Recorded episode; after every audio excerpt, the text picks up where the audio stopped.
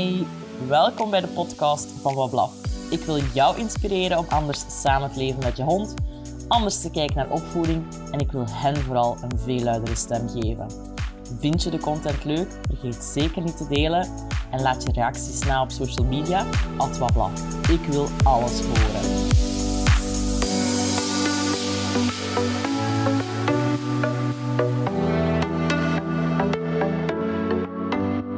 Welkom bij Bewuste Hondenmoeders. De laatste 20 jaar zien we een duidelijke evolutie in de wetenschap, maar ook in wat we van honden zijn gaan verwachten, hoe we ze huisvesten en hoe we met hen samenleven. En vandaag praat ik met Laura Bangels over hoe die moderne manier van samenleven, hoe dat we die zien in de gedragsbegeleiding. Laura die is gedragsdeskundige voor honden. Zij biedt ook haar eigen opleidingen aan. Ze heeft 13 jaar ervaring en heeft etologie gestudeerd in Wageningen. Ze heeft zelf consulten gedaan tot 2019, maar voorziet vooral nu supervisie uh, met haar therapeutenteam, waar ze mee samenwerkt. Laura, van harte welkom in de podcast. Dankjewel. Superleuk dat je hier bent, of dat je naar hier gekomen bent. Vertel eens iets meer over wat jij doet met je praktijk. Onze praktijkgedragscentrum voor honden is um, eigenlijk op dit moment in twee grote delen um, onderverdeeld. We doen gedragsbegeleidingen. Um, en dat is eigenlijk een team van gedragsdeskundigen die over heel Vlaanderen dan de begeleiding doen, zowel puppyopvoeding en jonge honden en ook voor gedragstherapieën. En dan hebben we het stukje opleiding, waar ik dan vooral nu mee bezig ben, waar dat mensen die zelf ook hondengedragsdeskundige willen worden, die een tweejarige opleiding bij ons kunnen volgen om dat te doen. Ik had het in de introductie al aangegeven dat je tot 2019 zelf consulten hebt gedaan. Ja. Is er een reden waarom dat je daarmee bent gestopt? Vooral omdat het niet meer te combineren was met de opleiding. Ja, Het werd eigenlijk wat te druk en de opleiding. Ik sta er heel graag voor dat alles wetenschappelijk onderbouwd is, dat het up-to-date is. Um, en het vraagt gewoon heel veel werk om dat bij te houden. Er is een gigantische boom nu aan wetenschappelijk onderzoek over hondengedrag.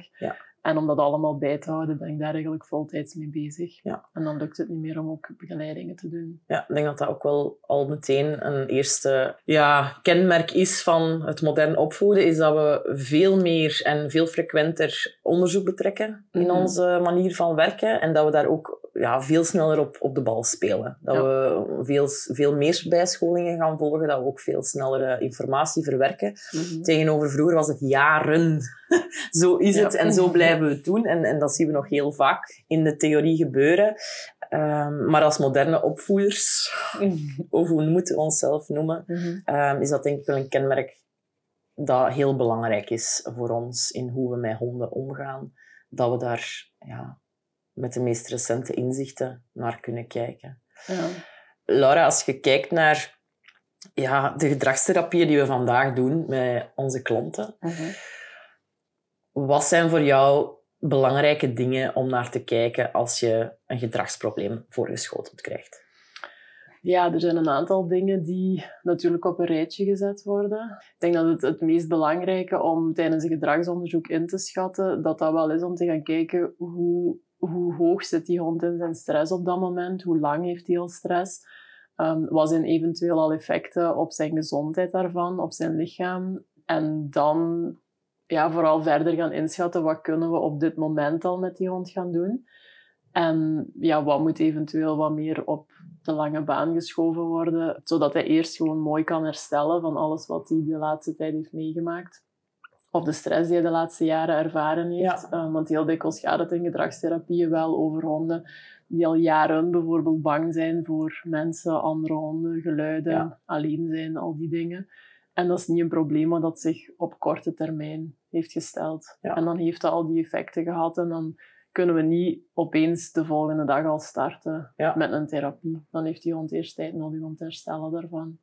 Wat ik wel vaak merk, want je hebt het meteen over stressreductie. Mhm. Wat ik wel vaak merk als ik bij, uh, bij klanten kom, is dat als ik het, het, het, woord spanning en stress naar boven haal, dat dat niet het eerste is wat dat zij hadden gedacht wat er aan de hand was. Mhm. Terwijl dat, dat toch vaak een heel belangrijke speler is in gedragsproblematiek. Net zoals dat bij mensen en, en ons welzijn uh, een hele grote rol speelt. naast voeding en activiteit en rust enzovoort. Hoe gaan mensen daar bij jou om? Allee, of of hoe, hoe breng je dat aan bij de mensen die je begeleidt en die je opleidt? Om dat echt te gaan kaderen van, kijk, dit is stressgerelateerd. Ja, daarvoor is ehm, een uitgebreid gesprek nodig natuurlijk, om dat inderdaad duidelijk te maken, zeker aan klanten. Omdat die ja, niet verwachten dat het daarover gaat en dat een hond inderdaad al gedurende x aantal tijd onder stress staat. En ze verwachten dan ook natuurlijk als wij daar komen voor een gedragsonderzoek en, en een begeleiding op te starten, dat we daar onmiddellijk volle bak kunnen invliegen en ehm, dat dat probleem onmiddellijk gaat aangepakt worden. Dus dat is wel ja, vaak in dat gesprek nodig om wat uitleg te geven ook over hoe dat stress werkt. Ja. En dan ja, welke effecten dat, dat heeft op een hond. Want dat heeft ja, over heel zijn lichaam en zijn hersenen heeft dat gigantische effecten. En hij kan gewoon geen nieuwe dingen leren op een, op, in, in, dat, in dat proces als hij helemaal in het begin daarvan staat. Hebben mensen vaak het gevoel dat honden daar anders in functioneren als, als ons, denk je? Ik denk wel dat er nog aan voorbij gegaan wordt. eh, want als we dan uitleggen hoe vergelijkbaar dat, dat allemaal werkt, dan vallen meestal Ja. wel de vrankjes bij de mensen. En dan denken ze, ah ja, dat is bij ons ook zo. Ja, inderdaad, eigenlijk werkt heel dat stresssysteem hetzelfde. Ja. En er staan heel veel mensen onder best veel druk tegenwoordig. En dan wordt het natuurlijk ook wel vaak wat begrijpbaarder dat een hond eigenlijk hetzelfde aan het ervaren is. Het is een beetje gelijk dat we daar juist in onze babbel, voordat we de podcast gestart hebben, aan het zeggen waren van ja, honden, hoe dat zij vandaag moeten functioneren in onze maatschappij, dat is best intens. En ik denk dat wij dat als mensen ook zo ervaren, Mhm. dat dat tegenover tien jaar geleden toch wel een beetje veranderd Ja. is. Het Ehm, tempo ligt hoog. Er, is, er zijn veel prikkels rond ons. Veel mensen, veel verkeer, veel geluiden. En dat is voor heel wat mensen best druk om te verwerken allemaal, maar ook voor heel veel honden. En zeker als we nu zien in meer stedelijke gebieden dat er ehm, heel veel honden ja, bijvoorbeeld op hetzelfde moment uitgelaten worden en zo. Uitgelaten worden in een parkje. Ja, dat is gewoon gigantisch moeilijk. ja, het idee van waar we van komen, hè, 20, 30 jaar geleden, waar, waar ja, in de straat wel een keer een waakhond zat, ergens van achter Mhm, op de hof. mhm. Of ehm, dat er wel iemand een, een hond had die, die die meenam op straat. Ja, zijn we nu toch echt naar een heel dicht bevolkt, Mhm. of een dicht bevolkte hondenpopulatie gegaan. Allee, dat toont ook natuurlijk de liefde die we hebben voor Mhm. honden. Mhm. Maar dat maakt het er niet makkelijker op. Nee, klopt. Dus, ehm, Ja. Zoals je daarnet zei, er is inderdaad een grote populatie aan honden. Ja, het is, het is gewoon veel. Ja. Het is heel intens, ja. welke gedragsproblematieken kom je het vaakst tegen? We hebben het natuurlijk over de, de stress als basis gehad. Maar als je echt eh, gaat kijken naar, naar de problemen aan zich, welke zaken kom jij dan het vaakst tegen? Ehm, ik denk dat uitvallen naar andere honden toch wel op één gaat staan. Dat is heel grappig. Alleen niet grappig, maar exact wel gelinkt aan wat we hier juist aan het vertellen waren Mhm. natuurlijk. hè. Die, die populatie Ja. die Ja. op elkaar Mhm. leeft. Ja. ja, het wordt gewoon moeilijker en moeilijker. Want als je als vroeger de honden inderdaad op een erf zouden leven en als bewakingshond daar ehm, hun werk konden doen, die kwamen zelfs niet op straat. Die moesten niet met allerlei Ja. andere honden overweg kunnen. Dat was eigenlijk een heel ja, een meer natuurlijke manier of zo voor een hond om te kunnen leven. Die had ook zijn beweging, die had zijn ding te doen op dat erf. Ehm, dat hebben wij niet meer. We wonen in kleinere huizen, we moeten wel gaan wandelen met onze Ja. honden om hen die beweging te geven, om hen wat uitdaging te geven, maar dan komt je automatisch andere honden tegen en dat klikt gewoon niet altijd. Sommige honden hebben ook trauma's opgelopen en ze zijn bang voor andere honden, daarom vallen ze uit heel vaak. Maar dat staat ja, toch wel ver uit op één. Ja, ik denk dat dat iets is dat mensen wel uit het oog verliezen, hè, van waar we komen, hè, van Mhm. hoe we samen leefden met Mhm. honden. En natuurlijk, hun welzijn is wel verbeterd op andere gebieden. Ja. Ze krijgen nu een warme mand aan Ze de kachel. buiten, ja. Ze moeten niet meer buiten slapen bij, bij vriestemperatuur. Mhm. Maar anderzijds, inderdaad, zijn, hebben ze heel hard moeten inboeten op ruimte en, en, en bewegingsvrijheid ehm, doorheen de dag. Ja. En zijn zij nog meer afhankelijk geworden van ons om inderdaad naar buiten te kunnen gaan. Mhm. Ehm, in de omstandigheden die zoals ze zijn als vandaag. Nog andere dingen buiten dat uitvalgedrag? Ehm, moeilijk alleen kunnen blijven. Ja. En dan, ja, in de brede zin van het woord, er zijn Er zijn gewoon heel veel redenen waarom dat ze niet alleen kunnen blijven. Het is niet allemaal verlatingsangst, zoals dat dan heel vaak genoemd wordt. Maar um, ja, kan ook bijvoorbeeld, dat is ook alweer gelinkt aan het medische dan wel, waar dat je het de laatste tijd over gehad hebt. Ook bijvoorbeeld honden die, die pijn hebben en daarom moeilijk alleen kunnen blijven. Dat dat dan naar boven komt. Maar ook daar heb je het stukje, als je in gedragstherapie komt met een hond die niet alleen kan zijn, kun je niet de volgende dag beginnen met een hele training om hem alleen te laten blijven. Je hebt eerst een periode nodig dat hij zijn stress kan zakken, dat hij echt terug mooi tot rust kan komen. En dan pas kun je eventueel aan een training beginnen om dat op te bouwen. Ja, het, is, eh, het zijn echt technieken om eigenlijk eerst inderdaad terug een beetje dat evenwicht te vinden, mhm. zodat leren terug mogelijk wordt. Hè. Ja.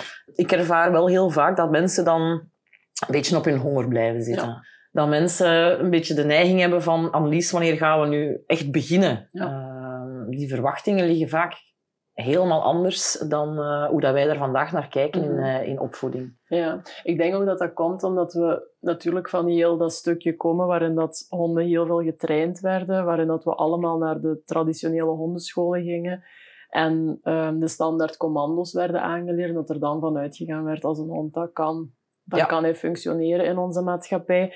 Nu lopen we natuurlijk tegen problemen aan die we toen gewoon niet hadden, omwille van de redenen die we daarnet besproken hadden. En dan ja, komt kom je nu op een punt en als we dan nu naar gedragstherapieën gaan kijken, dan zijn gewoon heel veel andere processen al gaande in die honden.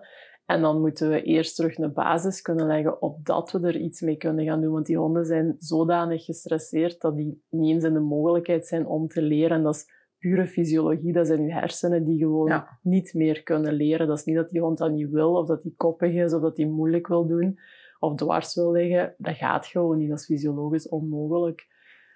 Het is soms denk ik ook de verontwaardiging bij mensen van hoe kan mijn hond nu gestresseerd zijn? Ja. Wat een zalig leven heeft hij niet. Ik kan er alle dagen mee op wandeling een mhm. uur. Uh, die krijgt hier alle dagen op tijd en stond genoeg eten, mhm. knuffels, aandacht. Hoe kan het dan dat mijn hond lijdt onder stress, waardoor er inderdaad gedragsproblemen ontstaan? Ja, ik denk vooral omdat wij, wij, wij doen ons best, absoluut, om te voorzien in alles wat onze hond nodig heeft. Maar we gaan toch nog regelmatig voorbij, denk ik, aan bepaalde basisbehoeften die honden hebben. Gewoon natuurlijke behoeften als hond zijnde. En niet zozeer vanuit ons menselijk perspectief dat we er naar kijken, maar echt vanuit wie jij is als hond en ook vanuit het individu. Want bijvoorbeeld, je kunt wel, wel de goede intentie hebben om iedere dag met je hond te gaan wandelen. En dagelijks dat je inderdaad je rondje maakt van drie kwartier en dat je denkt, ja, nu ben ik heel goed bezig, dit is heel leuk. Maar als die hond tijdens die wandeling naar tien andere honden zit uit te vallen en eigenlijk vindt hij dat heel spannend als er een auto passeert of als er fietsers passeren, dan, heb, dan heeft je hond vooral stress gehad tijdens die wandeling en dan is hij net niet ontspannen. Ja, ik, het, is, het, is, het is een exact voorbeeld. Deze week ook mijn klant erover gehad. Van ja, kijk, wij, proberen nu elke week te, of elke dag te oefenen op straat. En de ene keer gaat het wel makkelijker dan de andere keer. Mhm. Maar we merken nog altijd dat er heel veel spanning is en er, moet, er moet, moeten geen andere honden passeren of we mhm. zijn hem volledig kwijt. We hebben geen, totaal geen, geen contact meer met onze hond. Ehm, als we in het veld gaan wandelen, hebben we dat probleem niet. Mhm. Ehm, en dat ik ook naar hen toe communiceerde van... Ja, hoe zijn we zelf? Waar gaan wij graag gaan wandelen? Wij gaan ook graag naar mhm. natuurgebieden, mooie plekken, waar dat we tot rust kunnen komen. Ik, ik ga niet voor mijn plezier hier in, in de Benedenstraat een toertje gaan doen mhm. tussen hè, de gevels en de, en de razende auto's. Dus wij gaan zelf ook die ontspanning gaan opzoeken in de natuur, op plekken waar dat we zo min mogelijk indrukken op doen. Ja. Dus ik blijf dat wel een heel raar idee vinden. En natuurlijk, verstedelijking heeft er ook mee te maken. En mhm. sommige mensen hebben die optie ook niet, die komen buiten in die drukte. Maar ik blijf het wel een heel raar idee vinden dat mensen zo de verwachting hebben van mijn hond moet dat toch oké vinden of leuk vinden. Mhm. Dus wat veel mensen nog denken, is dat als een hond bepaald probleemgedrag vertoont, bijvoorbeeld uitvallen naar andere honden tijdens een wandeling, dat hij een probleem heeft met die andere honden en dat het juist de bedoeling is om die vaker te gaan opzoeken. Bijvoorbeeld ja, nog vaker te gaan wandelen, op drukke plaatsen gaan wandelen, naar een hondenweide gaan zelfs, naar een hondenschool gaan eventueel. Um, opdat hij het dan zou leren. Ja. Maar eigenlijk zien we juist dat dat tegengesteld effect gaat hebben. Want hij heeft een probleem met die andere hond. Hij wordt daar heel emotioneel van. Hij krijgt daar stress van. En als je hem dan daar nog meer gaat in onderdompelen, krijgt hij nog meer stress. Gaat hij nog meer uitvallen naar andere honden en krijg je nog meer conflict situaties. Waardoor dat hij dan ook nog eens zijn vertrouwen in u gaat verliezen. Want Ja. je brengt hem dan nog in die moeilijke Ja, situaties die niet communicatie aan kan. klopt niet meer. Voilà. En dan Ja. zit je zo in een vicieuze cirkel. En dan steekt... Ja, dan heb je chronische stress uiteindelijk. Ja. Ja. Ja, wat, ik weet niet hoe dat in uw ervaring is. Ehm, ik merk dat als ik die boodschap breng eh, naar mijn klanten, van kijk, het is heel belangrijk voor jouw hond om een stapje terug te zetten, Mhm. om ruimte en tijd te gaan creëren, om eigenlijk die situaties voor een bepaalde tijd volledig te gaan vermijden, zodat die hond tijd krijgt om op zijn positieve te komen, letterlijk. Dat er dan toch wel wat rare blikken vallen van oei, mag ik niet meer gaan wandelen dan? Of ehm mij vermijden, ja. Dat wil toch zeggen dat hij het niet gaat leren? Klopt. Dat is ook inderdaad de reactie die wij heel vaak krijgen. En ik begrijp dat ook, want vanuit ons perspectief, ja, we kunnen iets niet of mijn hond doet iets niet gemakkelijk, dus we moeten dat gewoon vaker gaan doen en hij zal het dan wel leren. Maar als je natuurlijk niet in je achterhoofd houdt het hele stressverhaal, alles wat dat er in zijn lichaam gaat gebeuren, ja, dan, dan gaat je er toch niet geraken, vrees Ja. ik, met gewoon die situaties vaker gaan opzoeken. Het is ook niet gemakkelijk vaak om zo'n management te gaan opstellen, om te gaan kijken hoe kunnen we dat nu allemaal gaan vermijden. Want inderdaad, die hond moet wel... Alleen moet, dat is, dat is ook van hond tot hond afhankelijk. Maar je gaat wel kijken hoe kunnen we dan zijn activiteit op Ja. een andere manier eventueel gaan invullen. Want sommige honden hebben echt wel nood aan dagelijkse beweging. Ja. Maar dan op een andere manier dan het blokje rond de straat, waar dat het best druk is. Ja. ja, want dat is misschien ook wel een misverstand dat mensen hebben. Dit is natuurlijk een basis. Dit is de start van een, van een gedragstherapie, waarin dat we ja, duidelijk aan stressreductie doen. Heel hard focussen op dat evenwicht terugvinden.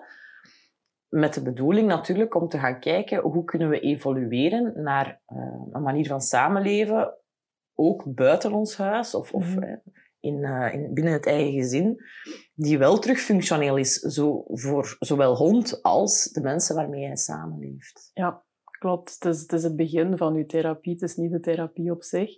En Hoewel het wel kan helpen. Het kan zeker helpen. En, en, en zeker kan het soms wel een therapie op zich zijn. Ja. Klopt wel. Het hoeft niet zo te zijn, Ja. maar het kan wel dat mensen daar ook voor kiezen. En dat we bijvoorbeeld als, als management geven, we gaan nu drie keer per week met een hond rijden we naar het bos en we gaan daar rustig wandelen en we moeten geen andere honden meer passeren. En dat mensen ook zien aan een hond van, ja, dit doet hem zoveel meer deugd dan dagelijks het Ja. rondje in de wijk, dat ze dat gewoon blijven doen. En eigenlijk is het probleem daarmee ook opgelost, want het probleem was, ik kan niet meer ontspannen wandelen. En Ja. op deze manier kunt je terug ontspannen wandelen.